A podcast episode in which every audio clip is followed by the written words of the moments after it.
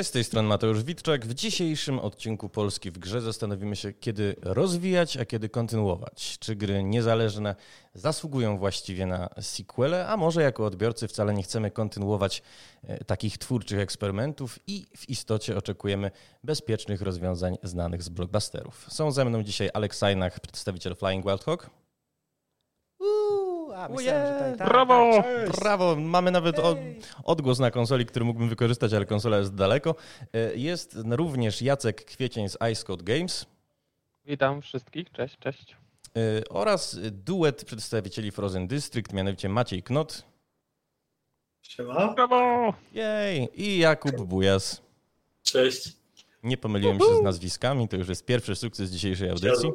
E, Ale ja was właśnie o sukcesy chciałem zapytać. Panowie, na start pytanie trudne. Czy wy znacie jakąś grę niezależną, taką prawdziwie niezależną, twórczy eksperyment, której sequel osiągnął sukces?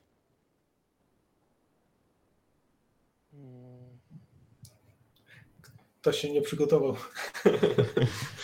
No nie, inaczej, nie wysłałem wam tego pytania z, no, celowo de facto, ponieważ jest to pytanie, które zadał mi dobry duch in, Fundacji Indie Games Polska Marek Czerniak i szczerze mówiąc zdębiałem zupełnie, bo Kurczę, ale to jest, wiesz co, trudno powiedzieć, gdzie jest granica, e, gdzie jest granica już tego, że coś jest grą niezależną, a co jest już dzisiaj grą nie niezależną.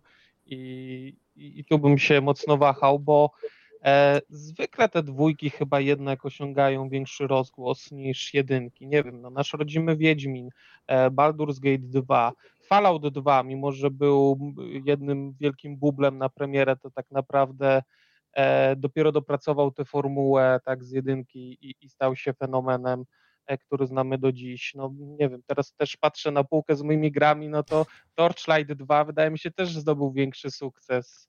Diablo Okej, 2 okej, tylko widzisz, ty, Jacku drogi, bo ty cały czas wymieniasz mimo wszystko gry, których nie możemy do tej przegródki z tytułami niezależnymi zaliczyć. Ja w takim razie, ponieważ nie znoszę dyskusji o tym, czym jest gra niezależna, od czego jest gra Okej. niezależna, czy gra wydawana przez Devolvera to jest gra niezależna, czy nie, yy, powiem, że mam w głowie taki tytuł, który oferuje mi zazwyczaj mechanicznie, nie fabularnie, jakiś Mhm. niuans. Jest, yy, wiecie, eksperymentem, jest czymś ciekawym, jest czymś szalonym trochę.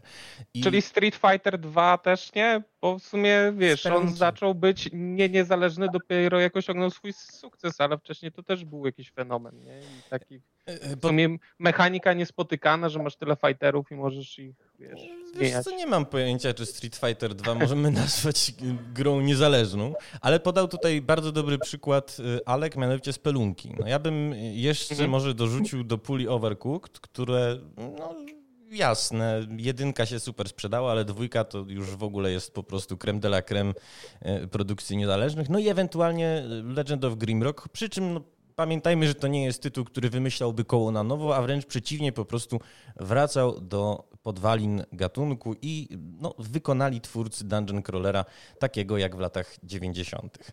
To może jeszcze Shovel Knight by pod to podpadł.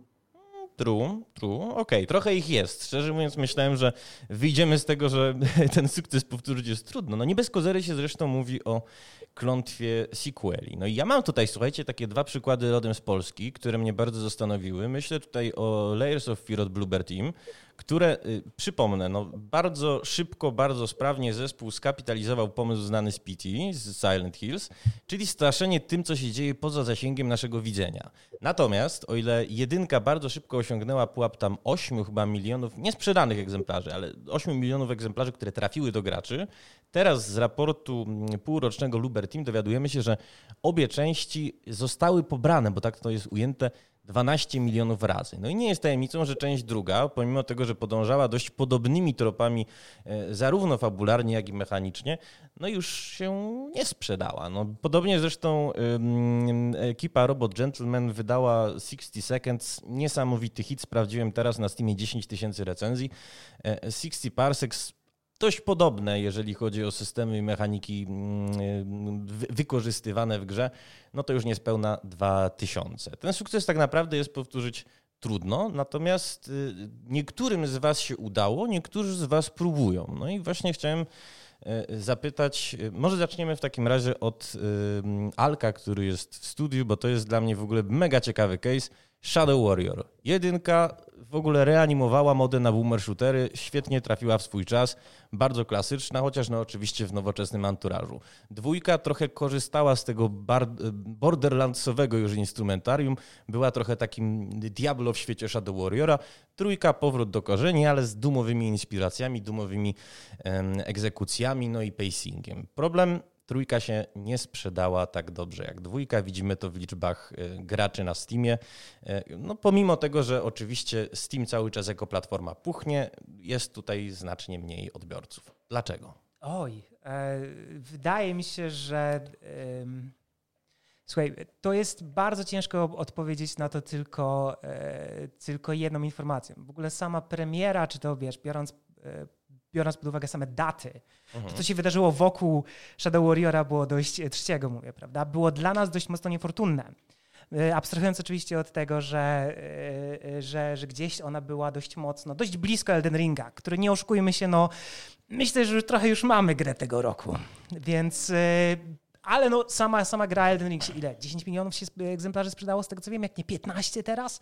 Ale nawet abstrahując od tego, wiesz, y, jakby wydawanie gry, już abstrahując od tego, czy robienie, czy, y, czy wydawanie, wydawanie gier jest, wydaje mi się, że jeszcze trudniejsze. Przynajmniej ja go do pewnego stopnia nie rozumiem tak dobrze, jak robienie gier. Więc wiele tutaj rzeczy, które, o które mnie pytasz, dlaczego się nie sprzedaje. Mhm. Ja y, mogę próbować identyfikować pewne rzeczy po stronie, y, wiesz, developmentu, bo tym się zajmuję. Natomiast jeżeli chodzi o rzeczy, które są związane z, z samym wydawaniem, to ja po prostu trochę nie mam tutaj doświadczenia, żeby odpowiedzieć ci w pełni. A wydaje mi się, że odpowiedź na to, dlaczego gry się pewne sprzedają, a nie sprzedają, to wiele ludzi poświęca na to lata, żeby to zrozumieć i dalej trochę tego nie wiedzą. Okej, okay, ale w takim razie pozwól mi zaatakować pod innym kątem. Nie będę cię pytał nawet o to, dlaczego gra się tam sprzedała czy nie sprzedała. Mhm. Złośliwie natomiast zauważę, że mm, Evil West po przesunięciu premiery niedawnym będzie konkurował z Call of Duty, więc to też jest przeciwnik. Znaczy inna rzecz jest taka, ciężkiej. że teraz ciężko z kimś nie konkurować. To nie, to jest, to jest pierwsza rzecz. Druga rzecz jest taka, że wiesz, że my też trochę mamy, e, jako Hogi, mamy trochę ambicje, prawda? Jest, oczywiście ciężko nas porównywać do Activision, ciężko nas porównywać do wielkich, wiesz, e, wielkich bokserów. Jednak też mamy jakieś swoje ambicje i wiadomo, że, e, że, że wydawanie gier, które są które pretendują trochę do tych AAA-ów, prawda? Ale mhm. trochę ten Shadow Warrior 3, jednak jak w niego grasz, to czujesz, że to nie do końca, no to nie jest indie gierka, tak mówiąc pejoratywnie w tym, w tym znaczeniu takim e, e, e, jakby biorąc to w cudzysłów pewien, mhm. oczywiście. Czujesz, że to jest shooter, który rzeczywiście jest zbudowany from the ground up, prawda? On jest dość, dość cielesny, on jest taki pełny, prawda? Taki, taki dość, jak mówię, no, nie nazwałbym go może w pełni takim AAA-em, ale na pewno coś, co pewne takie quality tam w sobie ma i chce posiadać i ma takie ambicje. Więc wiadomo, że tutaj jest tak, że trochę yy, siłą rzeczy, no jak mówię, trochę bijemy się tutaj, boksujemy się z tytułami, z którymi trochę też no, yy, że się tak wyrażę, nie mamy szans do pewnego stopnia. Mówimy prawda? o dumie, rozumiem, Więc... ale właśnie to mnie bardzo nie, nie, ciekawi. nie powiedziałem o dumie, ale... A ja myślę Okej. Okay. Bo bardzo mnie ciekawi jedna rzecz, to znaczy macie faktycznie formułę Shadow Warriora II, która mhm. chwyciła i nagle występujecie z produkcją, która, pozwolę sobie zauważyć, dla mnie, 30-latka, chociaż 30 urodziny już od dwóch lat obchodzę, hmm. E, jest y, niesamowicie satysfakcjonująca, dlatego że jest krótkim doświadczeniem, tak. dlatego że mnie nie rozprasza aczykami, znajdźkami. Mam po prostu ciąg aren, przeciwników, Mógłbym oczywiście się kłócić, czy nie wiem, nie za szybko mi na przykład prezentujecie wszystkie narzędzia, jakimi się posługuję. Y, pełna zgoda. Natomiast skąd taka decyzja przy produkcji sequela, że właściwie wracacie do y, y, liniowości, wracacie do no, rdzenia tego, co, co stanowiło o sukcesie pierwszego Shadow Warriora? Wiesz co, zaczynając od samego początku, dużo rozmawiamy w trakcie, wiesz, przed, po, w trakcie robienia naszych tytułów, jakie jest trochę DNA e, e, tego naszego projektu, prawda? Czyli co czyni Shadow Warriora Shadow Warriora. I wiesz, pomimo tego, że dwójka jest skonstruowana w taki sposób, a nie inny, no to wiesz, no to, to nie do końca jest ten, te DNA Shadow Warriora. Nie? Te DNA Shadow Warriora można znaleźć jako te egzemplifikacje tych wszystkich korowych elementów tych trzech naszych dotychczas wydanych produktach związanych e, z Shadow Warriorem. Nie? I my, ja my trochę prowadziliśmy po dwójce rozmowy, co dalej ma się z tym tytułem też wydarzyć, prawda? E, dużo, dużo rzeczy też działo się z samą, e, samą firmą, dużo rzeczy się działo z nami jako, jako twórcami, prawda? Mhm. I wiedzieliśmy, że Wiesz, kiedy rozmawiamy też chociażby, rozmawialiśmy z Devolverem trochę, yy, okej, okay, co dalej zrobimy z, tym, z tą franczyzą, co, dla kogo one, ona trochę teraz powinna być. Bo wydaje mi się, że tutaj jest bardzo ważne pytanie, które ty zadałeś. My sobie konstant zadajemy pytanie, dla kogo jest ta gra? kim my jesteśmy versus dla kogo jest ta gra i w samym środku jakby tego równania jest DNA, czyli czym jest Shadow Warrior. I jakby to, że dużo ludzi zauważa właśnie, że Shadow Warrior drugi był właśnie taki, wiesz, miał bardzo dużo systemów, które są takie Diablo-podobne mhm. i tak dalej, dużo tej, tej, tej randomizacji. My tam, gdzie byliśmy wtedy w naszym developmencie i nie tylko jako my, poszczególni artyści, jako, ale też jako firma, chcieliśmy właśnie zrobić to trochę, o czym powiedziałem już wcześniej, mówiąc o Shadow Warriorze jako czymś, co ma pewne ambicje. Prawda? I chcieliśmy przynajmniej część tych ambicji e, spełnić. I dla siebie, i też wiedząc, że, e, że ten nasz potencjalny jakby e, gracz, ten, ten nasz audience, taki wiesz, o którymś ten target audience, się tak ładnie nazywa, e, to jest ktoś, kto też z nami trochę czasu przeszedł, który z nami tych gier też tego typu zagrał. Więc wiedzieliśmy, co. No i tutaj trochę wracamy do tego Duma, bo Dum oczywiście, że wybuchnął. Nie? Ja, ja mam takie, takie wrażenie, że rzeczywiście my jesteśmy w jakimś rodzaju takiego sprzężenia zwrotnego z tym, no z takimi oczywiście tytułami jak Doom. Nie? I to jest też tak, że to na pewno była dla nas inspiracja. Nawet jeżeli clearly nikt do końca może tego nie przyznał, to na pewno, wiesz, podskórnie jest to... Te egzekucje, jest, no, które wiadomo, są... że tak. No, Chociaż wiesz... za wolne to inna rzecz. Ale dobra, Alek, bo możemy oczywiście o Shadow Warriorze bardzo długo gadać, tylko ja nie chcę, żeby mi się panowie mm, po drugiej stronie ekranu, bo Alek jest z nami w studiu, dopowiem słuchaczom i słuchaczkom, e, e, natomiast nasi pozostali goście e, łączą się z nami zdalnie. Nie chcę, żeby się wynudzili, także powiedziałeś, użyłeś takiego zdanie, że musieliście określić, dla kogo jest ta gra, jaki jest wasz target audience. I wydaje mi się, że przed dość podobnym e, wyzwaniem stanęła ekipa Ice Code Games, która, przypomnę, przejęła markę Hardwest od Creative Forge, które to Creative Forge, jeżeli chodzi o firmę producencką, się de facto rozpadło, de facto tak. no, po premierze Phantom Doctrine e, no, już, już działa pod nowym szyldem. I Dokładnie. macie doświadczenie z RTS-em, bo stworzyliście Religion nie ukrywajmy, że nie był to najlepiej oceniany projekt, ale bardzo, ja na przykład go ciepło wspominam. E, I dostajecie markę, która no ma e, już e, pewnych fanów, i zrobiliście z nią coś według mnie bardzo śmiałego, bo po pierwsze zmieniliście estetykę, dodaliście elementy paranormalne, wprowadziliście tę mechanikę bravado. No i sukces. Hmm? To znaczy 3000 graczy jednocześnie, 5 razy lepszy wynik niż jedynki. E, jak żeście właściwie określili, dla kogo jest ta gra i na jakiej podstawie wprowadziliście te zmiany do formuły? Myśmy przede wszystkim e, chcieli zro... chcieliśmy oddać fantazję westernu, tak? W sensie nie skupialiśmy, e, znaczy tak, patrzyliśmy, co oczywiście było dobrze oceniane w Hardwestie 1, też no, trzeba powiedzieć otwarcie, że jak już robisz sequel, to już też myślisz o kolejnych, więc stwierdziliśmy, że no nie możemy dokładnie zrobić tego samego co jedynka, bo będziemy się już kręcić w kółko. Musimy trochę sięgnąć na przykład po rzeczy, e, które po które na przykład sięgały Deadlandsy, tak, czyli e, de, de facto no, co, coś na czym Hardware się wzorował czyli system RPG też umiejscowiony jakby w Weird Westie e, w tym settingu. I cóż, no przed nami przede wszystkim było no takie zadanie, że chcemy dotrzeć z tym hardwestem do większej ilości e, osób i chcemy jakby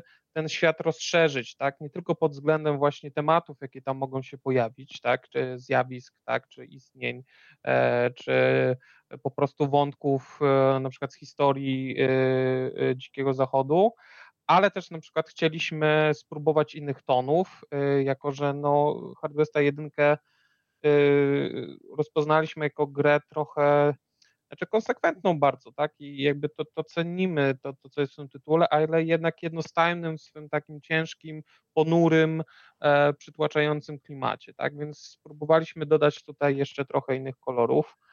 Um, więc tak, no strasznie dużo, jak słyszysz, tutaj wektorów jakby chcieliśmy chwycić. Natomiast no wracając do tego, że, że naszym jakby głównym zadaniem tudzież jakby no takim celem było właśnie oddanie w tej turowej rozgrywce um, tej, tej fantazji westernu, tak? E, oczywiście nie robiliśmy gry historycznej, tylko chcieliśmy zrobić e, to wyobrażenie westernu, jakie mamy po prostu z filmów, tak? E, czy, czy to klasycznych westernów, czy to spaghetti westernów, czy to powiedzmy tych już rewizjonistycznych westernów bardziej nowszych.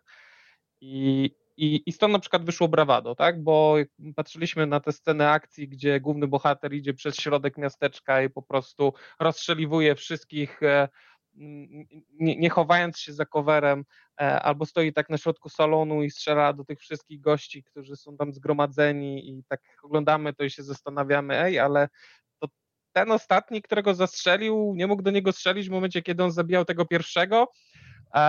no i tak iteracja po iteracji e, doszliśmy właśnie do tego, że kurczę, może nie, nie, chroni go, y, nie tylko chroni go plot armor, e, ale oczywiście może on jest szybszy od nich, a może po prostu ma coś, co um, no, jakby refiluje mu punkty akcji tak po każdym zabójstwie, no i tak w dużym skrócie doszliśmy do tej mechaniki bravado, tak? A, ale jak mówię, no tutaj nie, nie, nie podeszliśmy do Hardwesta jedynki na kolanach, tylko e, jakby szukaliśmy w tym własnego głosu. E, co też e, sama konstrukcja jakby jedynki tak nas onieśmieliła, ponieważ jedynka, jak może pamiętacie, ona była złożona z takich czasami mniej lub bardziej luźnych scenariuszy, które czasami się ze sobą wiązały, ale niekoniecznie. E, to było, miało to taką konstrukcję antologii tak naprawdę, tak, że to są historie dziejące się na y, hardym zachodzie, tak, na tym hard westie, e, a niekoniecznie jakaś taka płynna narracja, więc tutaj mieliśmy też o tyle łatwiej, jeżeli chodzi o e, stworzenie sequela, że po prostu tą historię Hard Westa potraktowaliśmy jako, jakby, jako kolejną opowieść, tak, która się wydarza w tym świecie. E, i która jest opowiadana przez e, też jakiegoś specyficznego na przykład um, autora, tak? E, I, I, tu na przykład też wzorowaliśmy się na tym, co było w Call of Juarez Gunslinger, gdzie, gdzie wręcz ta, to, to, jak gra się w tą grę, to jak ta gra wygląda, jaki jest jej design, jest tak naprawdę mocno zdefiniowane przez postać, która opowiada o tych wydarzeniach. Mhm. No, zmiany z tego, co widzimy w liczbach bezwzględnych, wyszły oczywiście in plus. E, ciekawi mnie natomiast case, y, są tutaj panowie odpowiedzialni za House Flippera, czyli grę, która, przypomnę naszym odbiorcom, odbiorczyniom, sprzedała się dotychczas ponad 3 milionach egzemplarzy, a pik graczy zanotowała 4 lata po premierze przy okazji DLC y, Pets. No i zapowiedzieliście sequel, chociaż zdawałoby się, że będziecie dalej podlewać builda no, kolejnymi rozszerzeniami, bo przypomnę, że przecież y, się ukazało i rozszerzenie ogrodowe, i halloweenowe, i luksusowe.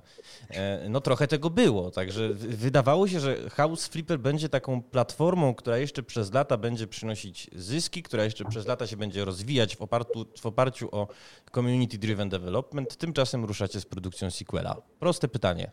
Dlaczego? To ja zacznę od takiej ciekawostki, że de facto mamy jeszcze kolejny dodatek zapowiedziany na początek przyszłego roku albo na koniec tego. E, w sumie to nie wiem. E, Okaże się. Więc ciągle Zdradzasz jakieś informacje niejawne?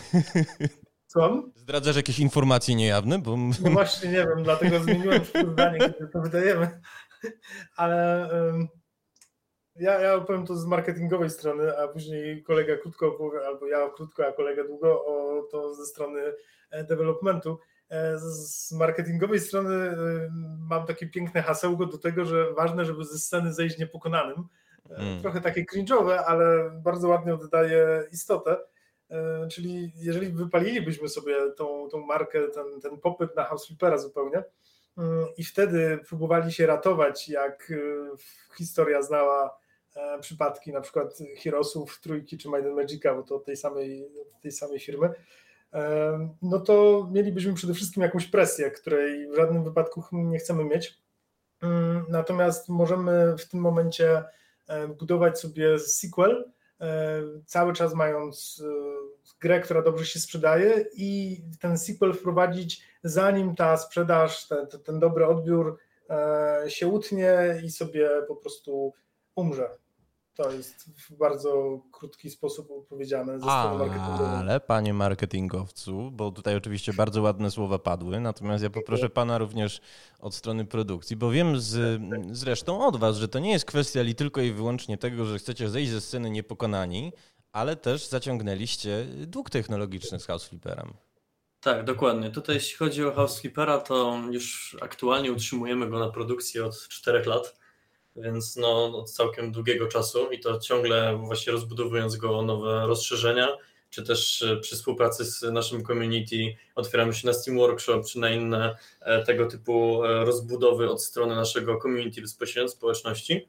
I tak naprawdę już od samego początku, od, od release'u, wiedzieliśmy, że jak już to się zaczęło bardzo dobrze sprzedawać, że no, ta gra będzie musiała być rozwijana, będzie coraz większa a jednak na samym początku, no jeszcze przed wydaniem, e, no to nie było takie oczywiste i nie byliśmy pewni, e, ogólnie development tego e, zmierzał ku temu, żeby to raczej była mała produkcja, mały sandbox, w którym gracze mogą sobie odnawiać, robić renowację budynków i w zasadzie tyle. Nie, nie, przewidywaliśmy zwierząt, farm i innych tego typu do rozszerzeń, które aktualnie dochodzą. Więc zaraz po releasie od razu e, nasz senior developer płynnie stwierdził, że oho, jest na to popyt, musimy w takim razie zacząć tworzyć część drugą, ponieważ mamy bardzo dużo założeń w naszym kodzie, w architekturze, w samej grze, które po prostu nie będziemy w stanie przeskoczyć albo będziemy musieli okupywać bardzo dużą ilością pracy, a jesteśmy w stanie to zrobić wiedząc już, jaki jest tego potencjał i jak bardzo nasze community może tutaj współdziałać z nami możemy zrobić coś naprawdę wielkiego i naprawdę ekstra, ale no musimy to przemyśleć od zera.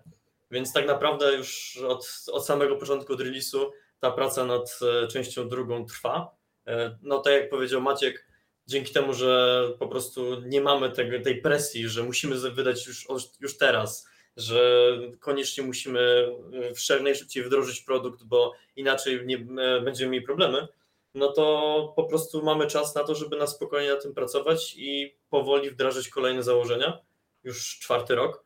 E, I powiem szczerze, że no zmierzamy w takim kierunku, który no myślę, że naszych graczy będzie satysfakcjonował, to, to, to bez dwóch zdań. A no musieliśmy, jakby tutaj nas e, technologia jakby zmusiła do tego, że niektóre rzeczy, chociażby tak jak budowa e, domów całkowicie od zera, no, wymagała przerobienia praktycznie całej, całej naszej architektury.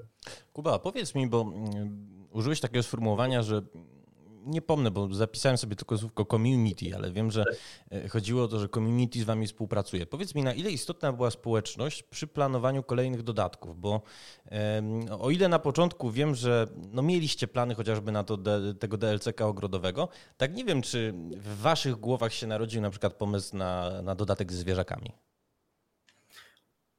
Jeśli chodzi o dodatek ze zwierzakami, czy też e, aktualnie farma, nad którą tutaj e, pracujemy, to e, między innymi był to wynik ankiet, które robiliśmy na naszym fanpage'u na Facebooku czy w innych social mediach, ponieważ no, byliśmy ciekawi, w którym kierunku to powinno pójść. Czy w ogóle nasi gracze chcą, żeby były jakiekolwiek żywe elementy w tym naszym stałym świecie House Flippera, bo jednak e, przed zwierzętami praktycznie w naszej grze nic się nie ruszało jako tako, nie było, nie było nic żywego. Tutaj jest sam gracz e, wrzucony w, z pierwszej osoby, remontował sobie, pogwizdywał, ale w zasadzie to tyle.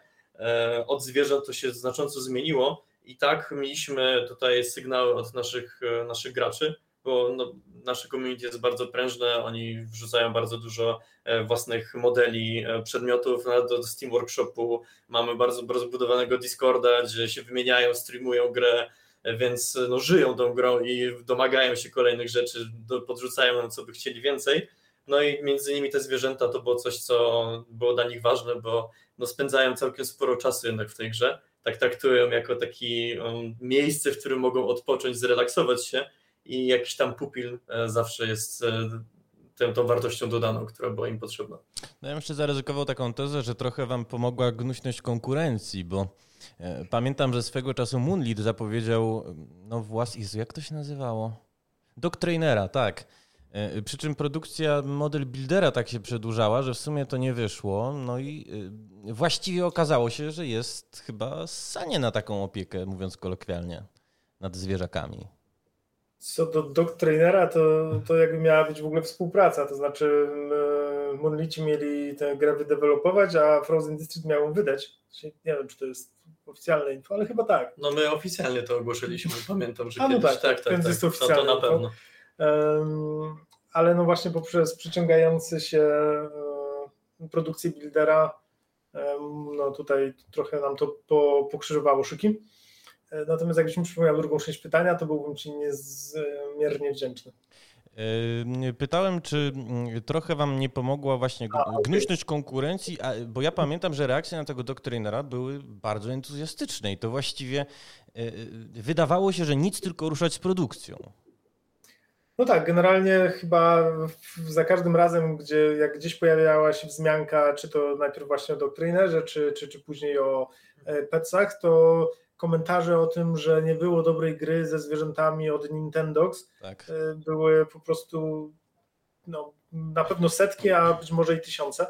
E, no i nie, nie twierdzę, że petsy są grą o zwierzętach, one tylko wprowadzają pewien miły dodatek zwierząt, e, tak jak no, wiele, wiele gier gdzieś tam wprowadza ten, ten, ten element, ale no faktycznie z jakiegoś powodu dobrej gry, czy w ogóle gry, z, z której zwierzęta byłyby ważnym mocnym elementem i skupiały się wokół nich, no od wielu, wielu lat chyba nie ma. Być może się mylę, to, to poprawcie mnie. Ale Jeszcze Animal Shelter po drodze się przydarzył, ale to też trochę inny tytuł.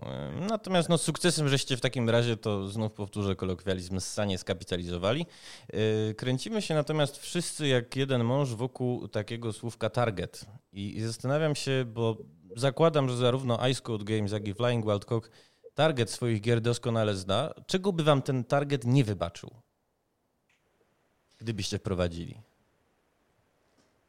Kurczę, wiesz co, e, wybaczył nam zamianę, z tego co pamiętam, miecza na coś bardziej plastikowego podczas chyba drugiej części, coś takiego było.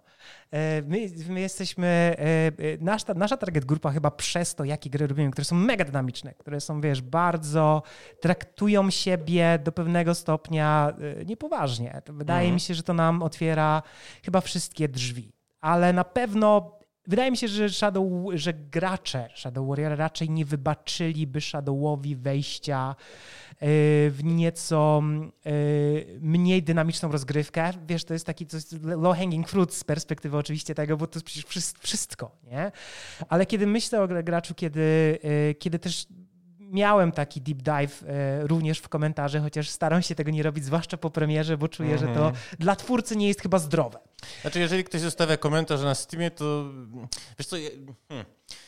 Ja mam trochę problem z tym, że y, trzeba by poświęcić trochę uwagi, włożyć faktyczny wysiłek tak. na napisanie takiego komentarza, tak. więc bardzo często przeważają negatywy, a one wcale nie odzwierciedlają obrazu sytuacji. Tak, tak. I, I jak mówię, z perspektywy właśnie twórcy też nie czuję, że to jest nie wiadomo jak konstruktywne, natomiast wydaje mi się, że twoje, y, twoje pytanie jest ważne, bardzo ważne i bardzo rzadko je sobie zadajemy. Czyli kim, dla kogo jest ta gra? Dla kogo to robimy? I, i wiesz, i tutaj e, myśmy na pewno, kiedy, e, kiedy projektowali Shadowa trzeciego, to jak mówię, z jednej strony gdzieś tam ten target audience wiedzieliśmy mniej więcej, kim on jest, bo jednak, wiesz, no mamy dwie gry wydane, mniej więcej, mhm. wiesz, ale no pomiędzy tymi, pomiędzy dwójką też Shadowa, a trójką no minęło 4 lata. Więc teraz pytanie, y, które było bardzo ważne, to było pytanie, czy to są ci sami gracze, mhm. którzy wiesz, którzy grali w jedynkę i dwójkę i teraz będą chcieli zagrać w trójkę?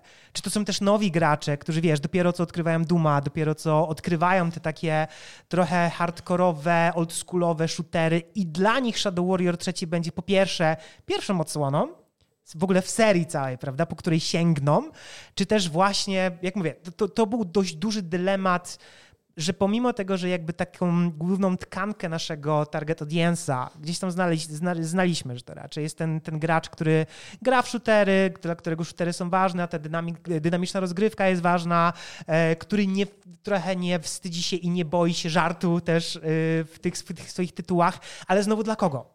Wiesz, Shadow Warrior ma już ogromną historię od lat 90., więc z jednej strony warto byłoby trochę, jak to się mówi e, e, po angielsku pięknie, cater, czyli taki catering im zrobić, prawda? Ale z drugiej strony też no, wiedzieliśmy, że musimy być magnesem dla, e, dla nowych graczy, którzy nawet nie, pamię nie pamiętają Shadowa pierwszego.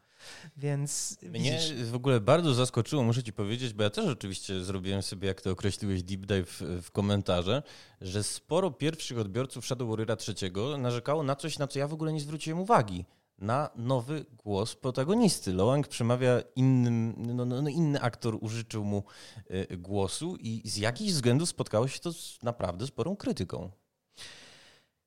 Wiesz co, po pierwsze, to gdzieś nie była też nasza e, do końca decyzja. Przede wszystkim też jakby, jakby Hogów. E, tutaj też e, ja osobiście też muszę ufać. My jesteśmy deweloperami z Polski. I to jest też bardzo duży margines, który wydaje mi się e, trzeba tutaj podsunąć, żeby zrozumieć kontekst, dlaczego pewne rzeczy się wydarzyły. Też wydarzyły się też dlatego, że e, jakby tkanka e, społeczna w Stanach trochę się zmienia, jest trochę bardziej świadoma. Tak nie chciałbym, nie jestem, wiesz, tutaj człowiekiem, który specjalnie chce mówić teraz o, o amerykańskim społeczeństwie, ale wydaje mi się, że warto o tym powiedzieć głównie z perspektywy, wiesz, kontekstu, dlaczego to wszystko się wydarzyło i jedyne, dlaczego ja, ja, ja w pewnym momencie, i to jest oczywiście tylko moja opinia, ja stwierdziłem, ok, dobra, totalnie powinniśmy to zrobić, to jest chyba po tym, jak Piotr Adamczyk pojawił się w Hawkeye'u. I mieliśmy Polaka w Marvelu.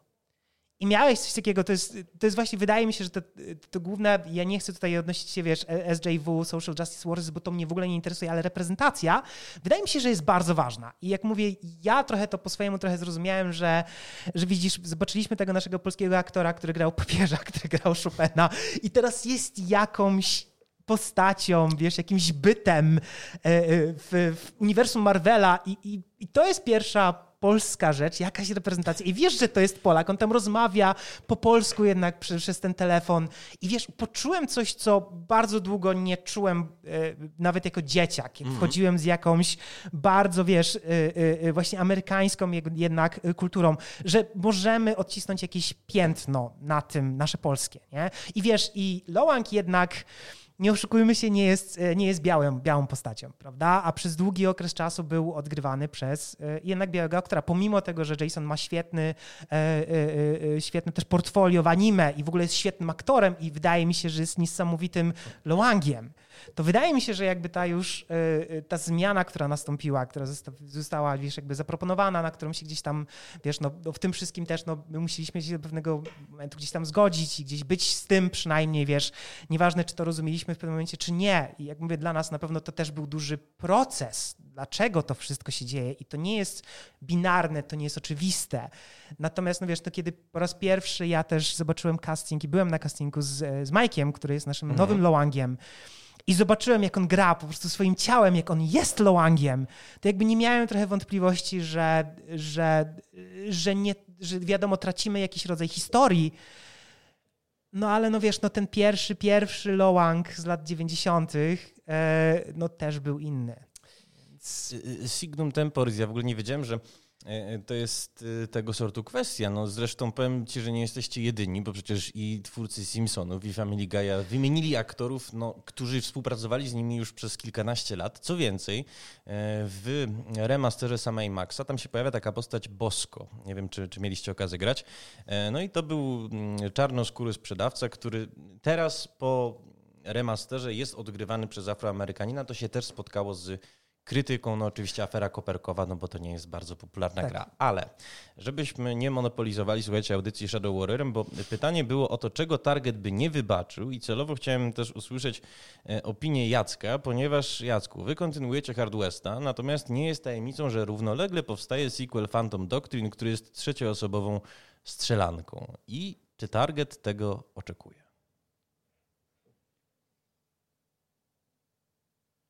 Szczerze mówiąc, pierwszy raz słyszę. Naprawdę? Żeby tak powstawał Phantom Doctrine sequel? Tak, produkuje, tworzy go, słuchaj, nie, nieomal jednoosobowo niejaki Mr. Ciastku, czyli twórca Wanking Simulatora, e, jednego z bardziej popularnych i bardziej kontrowersyjnych symulatorów Playwaya.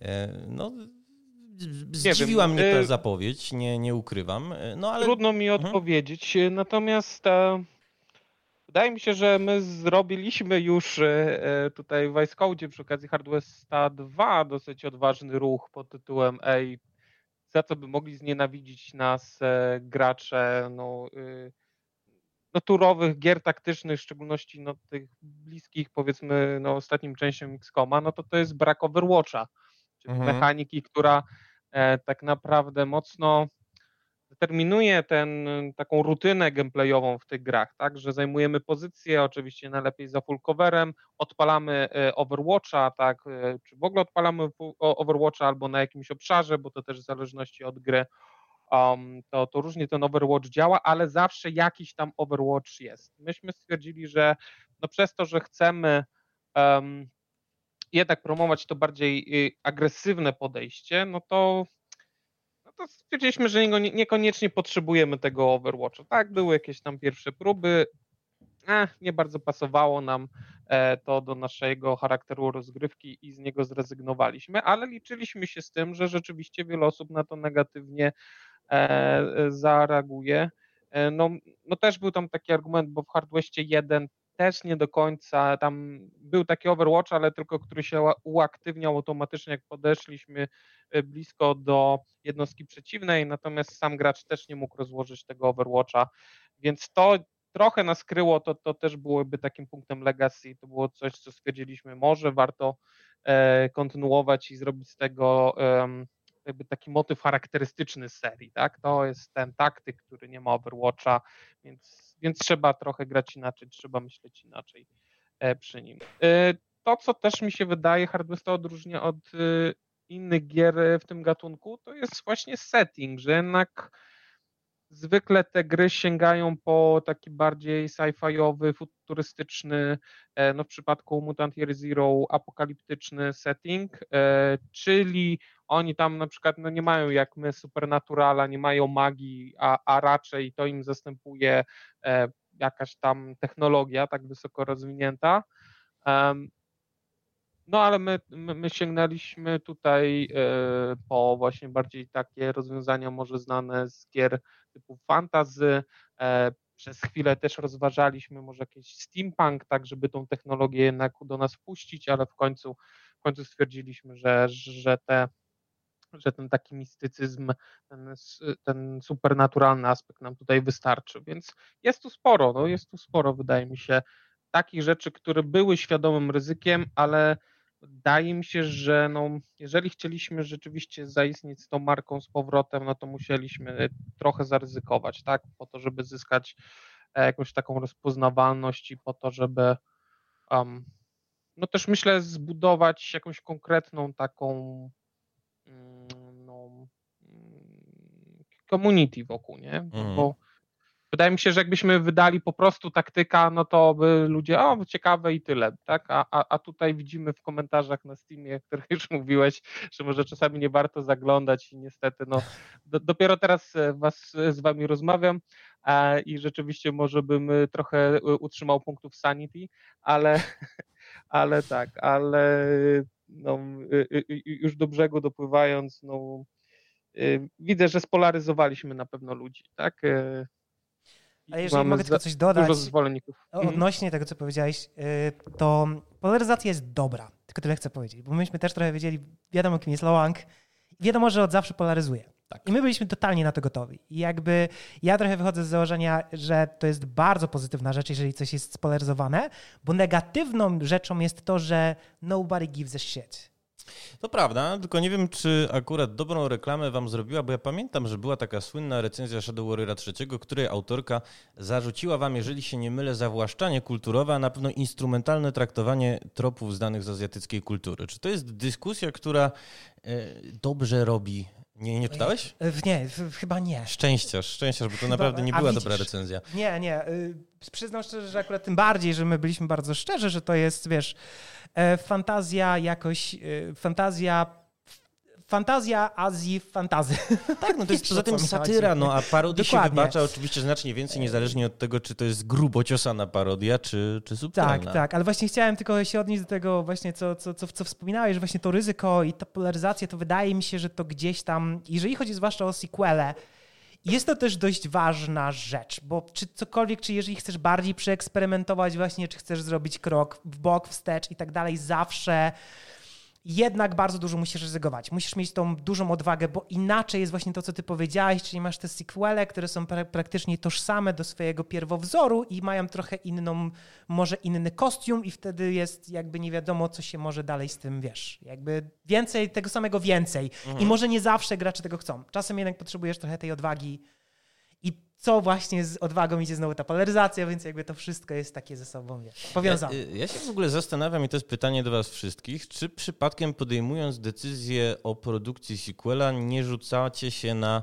głęboką wodę ze względu na to, że łaska graczy na pstrym koniu jeździ. O czym myślę? Myślę tutaj o tym, że mieliśmy już y, gatunki w historii, które miały no, eksplozję popularności, ale ona trwała powiedzmy 2-3 lata. I tutaj myślę chociażby o Walking Simach, no bo jako się rzekło, Layers of Fear pierwsze sprzedało się wyśmienicie, dwójka już gorzej, częściowo dlatego, że powstało w międzyczasie mnóstwo takich horrorów na Unity, które robiły z tego e, Unique Selling Pointu dobry użytek.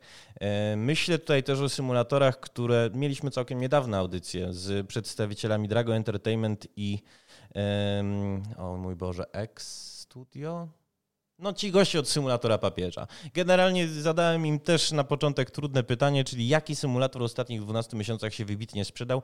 Nie byli de facto w stanie odpowiedzieć. Widzimy, że ta tendencja trochę jest spadkowa. Projektów zapowiedziano bardzo dużo. Zdaje się, że rynek się nasycił. Z kolei y, y, tutaj Alku ja nawiążę też do boomer shooterów, no bo jesteście boomer shooterem jakościowym, co prawda nie w grafice retro, tylko bardzo współczesnej, ale nie jest tajemnicą, że nawet projekty bardzo dopracowane i takie, które no, zdawałoby się są skazane na sukces. Myślę tutaj chociażby o Project Warlocku drugim, który e, no, nie przyciągnął tak wielu w early accessie graczy, jak można by się było spodziewać. No właśnie, mogą zawieść. Jest już tych boomer shooterów po prostu tak wiele, że no, trudno się rozeznać. Wydaje się, że gracze, którzy chcieli taką, takiej dynamicznej strzelaniny w starym stylu z apteczkami, no też już są zaspokojeni.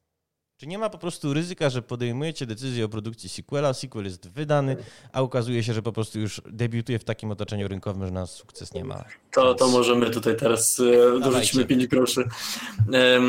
Jeśli chodzi o społeczność, w ogóle graczy, którzy grają w House Sleepera, to jest o tyle ciekawa historia, że znacząca większość, znaczy może nie znacząca, bo to jest przesada, ale wielu graczy, e, którzy grają w House Sleepera, jest to dla nich w ogóle pierwsza gra w życiu.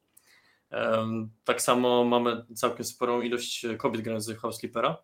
I tutaj to, to, to jest taka społeczność naokoło tej gry, która bardzo łatwo się przywiązuje mocno naszej gry, no bo wiadomo, to jest pierwsza gra, więc e, bardzo każdy pamięta praktycznie swoją pierwszą grę, to, że e, dopiero się uczysz sterowania i tak dalej. Wiele osób, które grają Sleepera przy jakichś testach, które mamy wewnątrz biura, chociażby to nie, nie umie się poruszać w ogóle klawiszami w SAT, tylko najczęściej strzałkami, bo też e, to jest dla nich obce, więc to są tacy naprawdę casuale.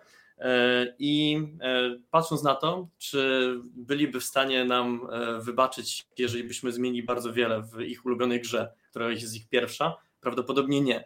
W ogóle pierwszą rzeczą, którą sobie zaczęliśmy, jakie pytania zaczęliśmy sobie zadawać przy, jak rozpoczęliśmy tworzenie Housekeepera 2, no to właśnie jakie rzeczy, jak daleko możemy się posunąć, co możemy zmienić, a czego nie możemy totalnie ruszyć, bo jeżeli ruszymy, no to ci wszyscy ludzie, którzy e, pierwszy raz usiedli, e, grają sobie, jest to ich ulubiona gra do e, totalnego wychillowania po pracy i dostaną coś innego w części drugiej, to się wkurzą i nas na widłach wyniosą. Więc takie rzeczy, elementy, które, które na pewno by nam nie wybaczyli, to jest chociażby to, że odebralibyśmy im zlecenia, które bardzo lubią, bo to jest taka pewna zadaniowość w tej grze. To, że moglibyśmy odebrać im fakt, że biorą i remontują budynki, remontują e, pomieszczenia, e, to, że mogą przekazać jakby swoją wizję jakby pomieszczeń, swoją wizję tego interior designu do, do gry, że mogą zrealizować jako architekt wnętrz w naszej grze, tego totalnie moglibyśmy odebrać, a w szczególności fakt, że mają tak bardzo rozbudowaną już w tej chwili w Housekeeperze e, bazę mebli, e, co sprawia, że mają bardzo dużą dowolność w tym, jak aranżują te wnętrza, to no, w części drugiej zdecydowanie bardzo duży nacisk musimy stawiać na to, żeby co najmniej sprostać tym wymaganiom, żeby mieli jak największą różnorodność, jak największą gamę wyboru tego, jak zaaranżują to wnętrze. Czy nawet są w stanie przenieść jeden do jeden jakieś pomieszczenie, które znają. To jest bardzo trudne zadanie, wbrew pozorom, bo w takich symulatorach, jak mamy, jak House Flipper, no to jak nawet jak teraz tu siedzimy i patrzę przed siebie, widzę, że jakie rzeczy leżą na biurku, i jeżeli chciałbym przenieść to pomieszczenie jeden do jeden do gry, to chciałbym, żeby takie rzeczy, jakie tu są, leżały na tym biurku w grze. I każdy z nas, jak sobie siedzi, ma inne rzeczy u siebie, więc zrealizować to, żeby każdy mógł przenieść jakieś pomieszczenie do gry, jest bardzo trudne i to w House 1 próbujemy zrealizować, House Flipperze 2 musimy również próbować. Jakbyśmy tego nie zrobili, to byśmy tych ludzi zawiedli. Kubaj, mnie bardzo interesuje jedna rzecz, bo y, tutaj dużo wątków poruszyłeś, ale jeżeli macie grupę graczy, którzy są przywiązani w ogóle do marki House dla których to jest pierwsza gra i których żeście no nie ukrywajmy, rozpieścili tymi rozszerzeniami, to czy oni grając w część drugą, która zakładam, że debiutuje z trochę mniejszą zawartością niż kompletna edycja jedynki, która jeszcze się rozbuduje, jako się rzekło o farmy, czy oni nie będą rozczarowani? Bo po prostu nagle nie będą mieli tych mechanik, tych systemów, tej, yy, tych obiektów, yy, no, do których są przyzwyczajeni.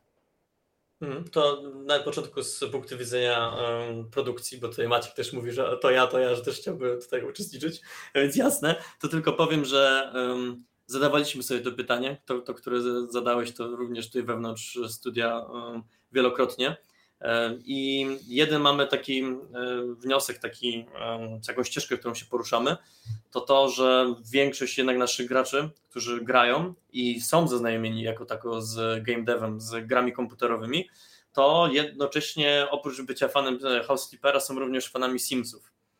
A w Simsach jako takich E, jest dokładnie ten sam case, co, co tutaj jest poruszony. I przy czwórce była krytyka, że y, no właściwie debiutuje w takim gołym stanie. Pamiętam doskonale. Oczywiście teraz już... Tak, tak.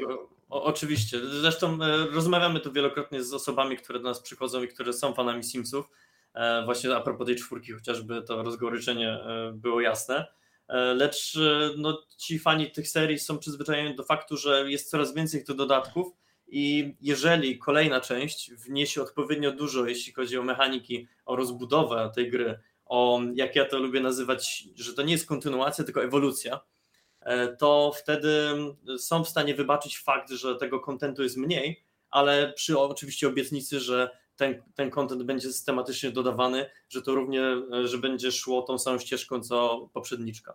No teraz oddaję głos Maćkowi.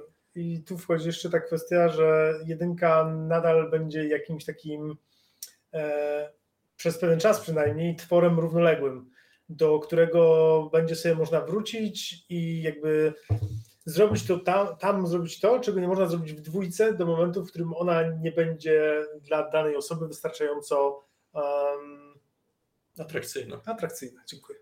Dobra, to w takim razie wróćmy jeszcze na sekundkę do y, pytania, które wydaje mi się y, trochę przeszło bez echa, a jest, jest dla mnie bardzo ciekawe. Y, Jacku, jak zapowiedzieliście Hard Westa 2, to już był trochę inny świat niż w momencie premiery Hard Westa 1. Myślę tutaj o tym, że o, o.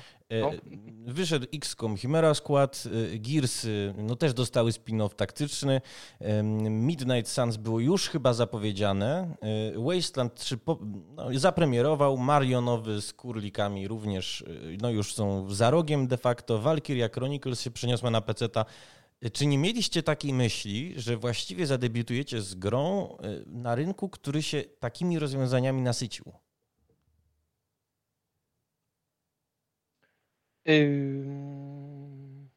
nie, bo wciąż wierzyliśmy, że jesteśmy dostatecznie oryginalni. Wiedzieliśmy, że musimy się wyróżnić, ale już sam setting sprawiał, że czuliśmy się pod tym względem spokojni, no i to, że mieliśmy właśnie ten wyraźny pomysł na rozgrywkę, tak, bo jednak wciąż te gry, e, przynajmniej w swoich zapowiedziach, pokazywały, że one się trzymają jednak tego starego schematu, czyli że, że, że wciąż um, powiedzmy ta rozgrywka jest taka bardziej defensywna, turtlingowa, tak? Mhm. Um, no, no tak, myślę, że, że tak, że, że mieliśmy takie przeświadczenie i też oczywiście no, już byliśmy po jakichś tam playtestach tak i, i, i, już zmierzyliśmy się z jakimś odbiorem tak, graczy mniej lub bardziej docelowych, więc To też nie wychodziło z takiej tylko czy, czystej buńczuczności naszej, ale, ale rzeczywiście były to potwierdzone jakieś dane. Um, Dobrze, to w takim razie jeszcze Al Alka na koniec zapytam, bo mm, panowie od House Flippera poruszyli bardzo ciekawą kwestię, mianowicie kwestii oczekiwań odbiorców, bo w, w, stosunku do zawartości, jaką otrzymują, ponieważ ja pamiętam, że wśród komentarzy na Steamie po premierze Shadow Warriora III przejawiały się też takie, że on jest po prostu szczuplejszy, że jest w liczbach bezwzględnych mniej broni, że nie jest, no właśnie, e, nie ma takiej wolności, takiej mm, personalizacji czy randomizacji jak poprzedniczka i troszeczkę żeście za to, no przepraszam za wulgaryzm, dostali po dupie. Tak, wydaje mi się, że jakby tutaj ciężko y, ominąć te, te, fakty. Natomiast y, jeżeli chodzi o sam, wiesz, ja występuję teraz y, w roli, zresztą jestem deweloperem, więc, więc jakby dla nas, ja wiem, czym Shadow Warrior zawsze miał być, mówię o trzeciej części mhm. i, gdzie my z nim jakby dojechaliśmy i wiemy, że to jest gra, która dla nas, z naszej perspektywy jest mega spójna i osiągnęliśmy tam bardzo dużo rzeczy, które chcieliśmy osiągnąć. I teraz pytanie, widzisz, to jest z jednej strony musimy się zmierzyć z tym ogonem chociażby Shadowa dwójki, który po pierwsze miał e, dość rozbudowanego koopa, bo jednak wiesz, tam kilka graczy ze sobą. E, jakby zamysł tego, w jaki sposób się walczy i z, mówiąc z czego w cudzysłowie, czyli ta różnorodność broni też była większa. I to są te rzeczy, które my, kiedy tworzyliśmy Shadowa trzeciego, e, stwierdziliśmy, że one nie są w tym DNA, które chcemy jakby kontynuować. Dla nas najważniejsze jest bardzo spójny, bardzo dynamiczny, taki second to second strategiczny mhm. w cudzysłowie mówiąc, czyli czy ja mam użyć do tego, tej, tego narzędzia, czy do tego, um, czy do tej sytuacji trochę innego narzędzia. Dla nas było ważniejsze, żeby po pierwsze trochę zrobić bardziej tę emocjonalną przejażdżkę, a po drugie, żeby właśnie e, ten design był trochę bardziej właśnie tight, bo jakby znowu, sam, sam dobrze tutaj dużo rozmawialiśmy razem o tym, jak czyta się współczesny, wiesz, e, mhm. rynek. I, I ja znowu odpowiem trochę na to, co, to, co chłopaki od, od, od Hard Westa. My też nie baliśmy się, że, że Shadow jest za mało unikalny, żeby nie mógł być, współdzielić trochę rynku z innymi grami FPS-owymi prawda? Bo przez ostatnie pięć lat pewnie od czasu Shadowa II wydaje mi się, że, że wiesz, że shooter który jest właśnie taki, jaki jest Shadow trzeci, po prostu nie wyszedł. Tak równo, równie kolorowy, ale też róż, równie śmieszny, tak równie krwawy, więc on ma dużo takich epitetów, które ze sobą fajnie siedzą, ale rzadko kiedy kupujesz je w pakiecie. W pakiecie tak. nie? I wiesz, i z tej perspektywy wiadomo, odpowiadając trochę na twoje pytanie, żeby już tak nie kręcić się dookoła, wiesz, to jest coś, za co no, e, no będziemy, ja nie chcę rozliczać nikogo, bo, bo jakby to nie jest moja znowu mój cel tutaj i nie wiem trochę jak odpowiedzieć na to. W sensie wiadomo, że tu się dużo rzeczy wydarzyło po drodze, które e, nie pomogły nam w sprzedaży, włącznie niestety, wiesz, e, z Rosją. Która, tak, no wiesz, no, no, akurat ni niestety musieliście promować premierę w momencie agresji. Tak,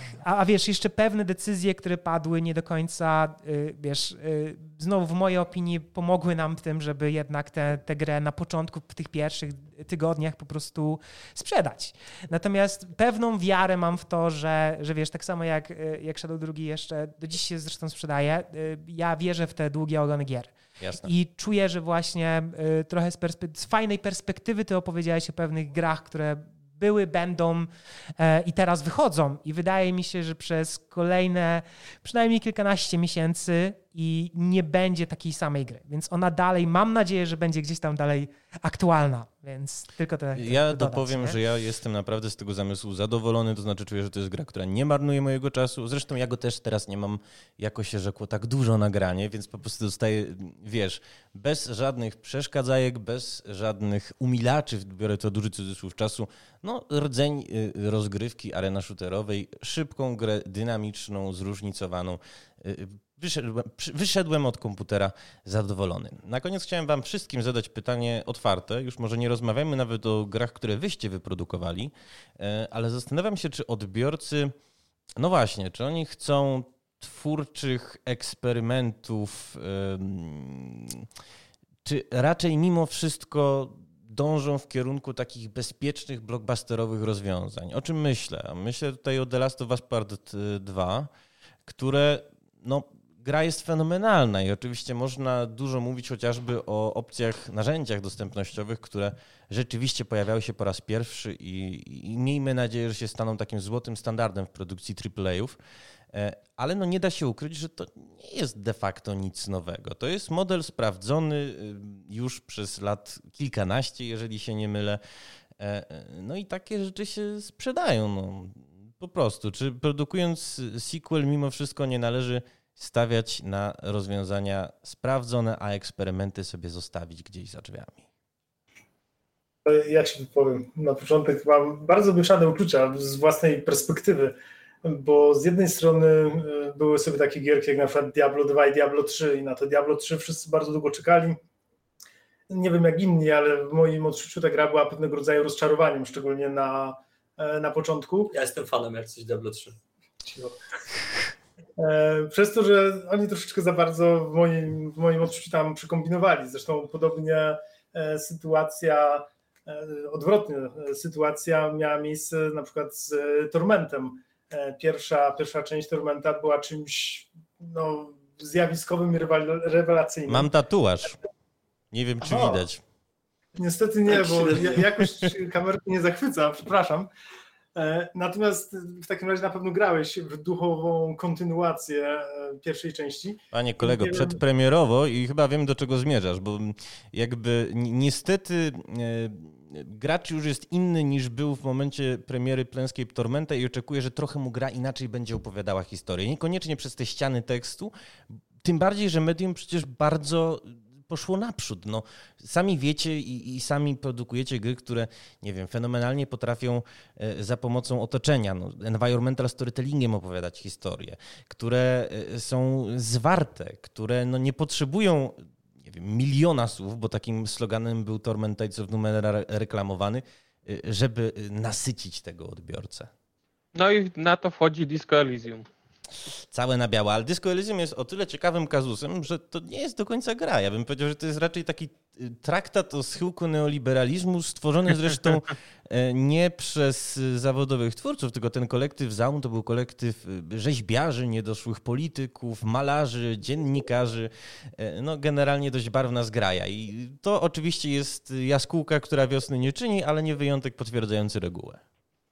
A była jeszcze taka gierka, kurczę, której nie mogę sobie teraz przypomnieć, RPG taki e, dość krótki, który zrobił e, trochę zamieszania e, swoimi rozwiązaniami. Hmm. E, ja sobie to wygoogluję, bo chyba nie jestem w stanie wam wykrzesać z siebie niczego. Shadowruny? Słucham? Shadowruny? Nie. Nie, nie, nie, nie. Taki w miarę niedawny. Ja sobie to wygoogluję, a zostawiam tak. głos wam na razie. Ale z drugiej strony na przykład a propos tego, że się odbiorca e, zestarzał i już e, może ma inne już wymagania, zmienił się, to e, ciekawym przypadkiem jest to akurat Gothic 2, który Ach. ma już ile? 20 lat po premierze, a wychodzi dodatek fanowski który po prostu rozbraja wszystko, jest za darmowy. Mam bardzo dobrego przyjaciela, który przesiedział 100 godzin już w tym dodatku.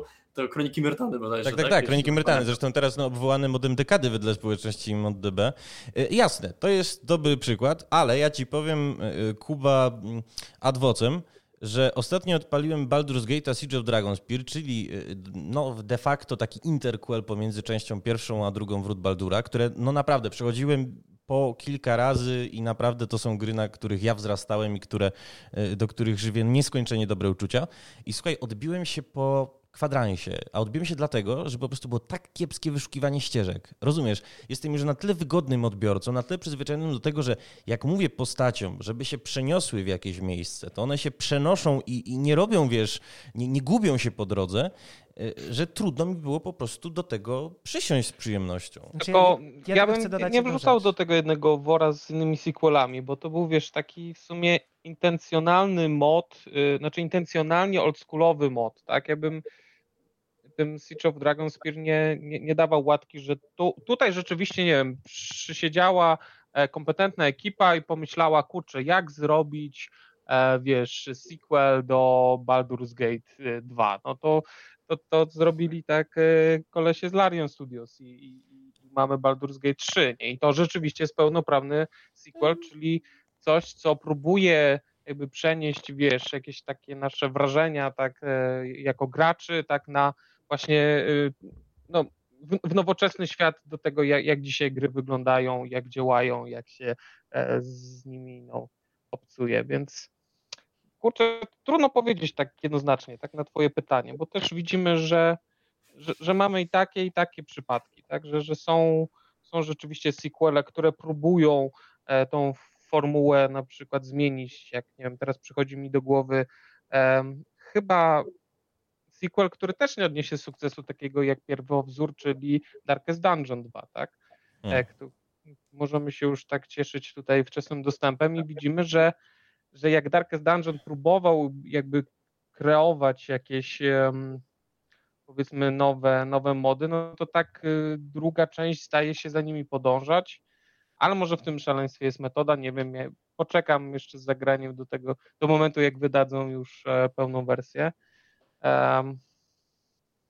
No tak, no jakby ja nie, nie powiedziałbym jednoznacznie, że, że te sequele są z góry skazane na porażkę i że zawsze ta rewolucja a ewolucja może oznaczać coś dobrego, tym bardziej, że e, to, to, tak jak mówiłem na początku, wydaje mi się, że dwójki często dopiero, że, że pierwsze części yy, gier są takimi no, próbami dopiero zmierzenia, zmierzenia się z czymś, a dopiero te drugie części rzeczywiście uderzają w sedno. To właściwie yy, twórcy dopiero tak sobie zdają sprawę, co mieliśmy na myśli robiąc jedynkę, tak? Nabierają świadomości i w, w, tej, w tym sequelu potrafią tą świadomość wreszcie jakby w pełni zrealizować, nie? I,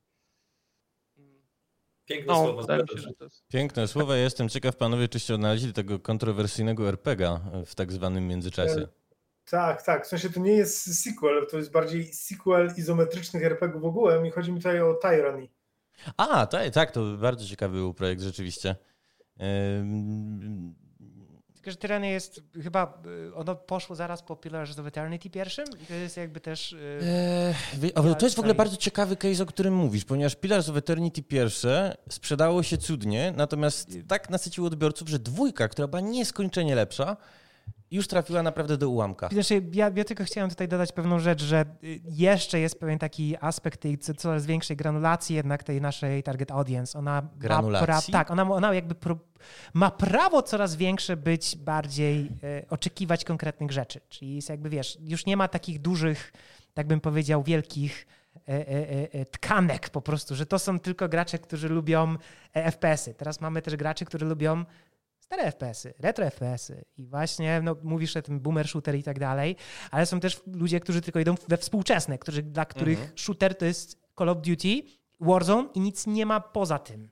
Więc jakby wiesz, tutaj nawet wewnątrz jakby tej takiej e, tkanki e, e, fanów strzelanych dalej mamy trochę podgrupy i do nich też trochę bardziej możemy celować. Ale to jest to chyba jest... piękne zjawisko. Że A to jest, tak, bo ja do tego dążę, mhm. że, że, że jakby, że my jesteśmy jednak medium, które się daje rozwija. I my nie mamy rzeczy, które możemy sobie przewidzieć, że okej, okay, to my wiemy, jak zrobić Terminatora 2. No tak, trochę jeszcze takich rzeczy nie mamy i dlatego tutaj jesteśmy i potem rozmawiamy, że, że rozmawiamy o tym, żeby dojść, mam wrażenie, do takiego z, y, wniosku, że trochę jest nam ciężko zidentyfikować te rzeczy i trochę po prostu jest trudno robić sequel. Trochę tak jest. Kiedy w kinie już trochę możesz, dalej oczywiście wszystko jest mega ryzykowne, ale trochę pewne rzeczy możesz przewinieć. Bo możesz, trochę możesz, jest kilka na pewno y, w necie y, y, wykładów znanych pisarzy w rodzaju jak pisać sequel.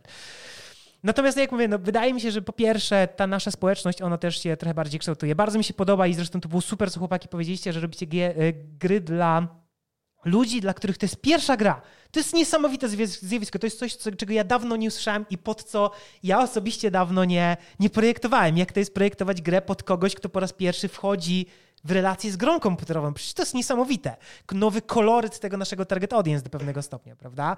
Więc dlatego mówię, że to jest już tak, że przez to, że tak ciężko przewidzieć, jak fluktuuje ta nasza, y, czym ona jest, ta nasza target audience, tym bardziej, że ona zmienia się wszystko i mam wrażenie, że coraz mniej mamy odbiorców stricte growych, a coraz bardziej wiesz, dzieciaki, dla których włączenie e, serialu jest tym samym, co włączenie gry. Nie ma tak, zupełnie, wiesz... konkurujecie o czas, nie dokładnie, konkurujecie... Mhm. Dokładnie, że to jest bardziej na zasadzie, że my nie konkurujemy nawet z innymi grami, ale my konkurujemy przecież z Netflixem, my konkurujemy z HBO, bo dla dzieciaków nie ma progu, wiesz, dla nas, dla, dla naszych rodziców na przykład był ogromny próg wejścia, żeby spędzać czas grając w gry na Tak. przykład, prawda? A my tego progu nie mieliśmy. Teraz dzieciaki nie mają żadnego progu praktycznie wejścia w żaden rodzaj Bo entertainmentu. są socjalizowane również do gier. Wiesz, no gdybym Dokładnie. ja ojcu puścił Wiedźmina trzeciego, to on by sobie po prostu, wiesz, nie poradził z tym zupełnie. A tymczasem, y, nie wiem, no podejrzewam, że nasze już dzieciaki y, będą dorastać w świecie, w którym faktycznie, no różne typy rozrywki i różni twórcy rozrywki będą konkurować między sobą niezależnie od branży. Ostatnie tylko, żeby już znowu nie monopolizować tej rozmowy. Ja też pamiętam, miałem kiedyś rozmowę i powiedziałem jakieś półtora roku temu i pamię- pamiętam, że my przede wszystkim teraz nie tylko powinniśmy patrzeć na inne gry, ale patrzeć, co robi Netflix na przykład, prawda? Bo to jest też właśnie, on będzie miał wpływ na ten nasz target audience, nie? Oczywiście ci, ci którzy między innymi komentowali, czym był Shadow Warrior pierwszy w kontekście Shadow Warrior trzeciego, to są ludzie, którzy trochę, y, jakby to jest to właśnie, y, y, nie chcę tutaj pejoratywnych specjalnie słów używać, żeby określać, albo bo, to są oldschoolowi po prostu gracze, którzy mają sp- konkretne oczekiwania i to jest to, co mówiliście o Dragonspire, mówiliście o tych takich spiritual successors, którzy chcą trochę wykąpać nostalgii, żeby dotrzeć właśnie do tych konkretnych ludzi. No ale jednak większość tego procentu to są nowi gracze, którzy przychodzą i dopiero się dowiadują o tym, o tych naszych fantazjach, które sprzedajemy i dla nich trochę, i to jest mój wniosek, który chciałbym powiedzieć, nie ma znaczenia, czy będą grali w Hard West 2, trochę Hard West 1, czy w Shadowa trzeciego, czy Aha. w Shadowa 1, jeżeli chodzi o chronologię, oni po prostu wezmą co, to, co dla nich będzie ładniejsze do pewnego stopnia. Ja ci powiem, że jeszcze chodzi mi po głowie zdanie, które wypowiedzieli jacyś przedstawiciele studia odpowiedzialnego za Age of Empires 3, k- y, przekładając premierę. E, oni stwierdzili, nie, nie ujmę tego, będę, dosłownie będę parafrazował, że oni chcą dostarczyć nie taką grę, jak była tych kilkanaście lat temu, tylko taką grę, jak pamiętamy, że była. I to mi się wydaje jest, jest klucz. Ale panowie, bo odnoszę wrażenie, żeśmy bardzo zamieszali, e, aczkolwiek rozmowa jest super ciekawa i bardzo wam za nią dziękuję. Niestety musimy już kończyć. E, Przypomnę mm, naszym słuchaczom, słuchaczkom, że gośćmi dzisiaj byli Alex Sajnach, przedstawiciel Flying Wild Hawk, Dziękuję bardzo. e, Jacek Kwiecień z mm, Ice Code Games Dzięki. Oraz panowie Maciej Knot i Jakub Bujas, e, przedstawiciele Frozen District. Dzięki. Dzięki. Dzięki wam bardzo. Dzięki. Powodzenia. Trzymajcie Dzięki się. raz za rozmowę, panowie.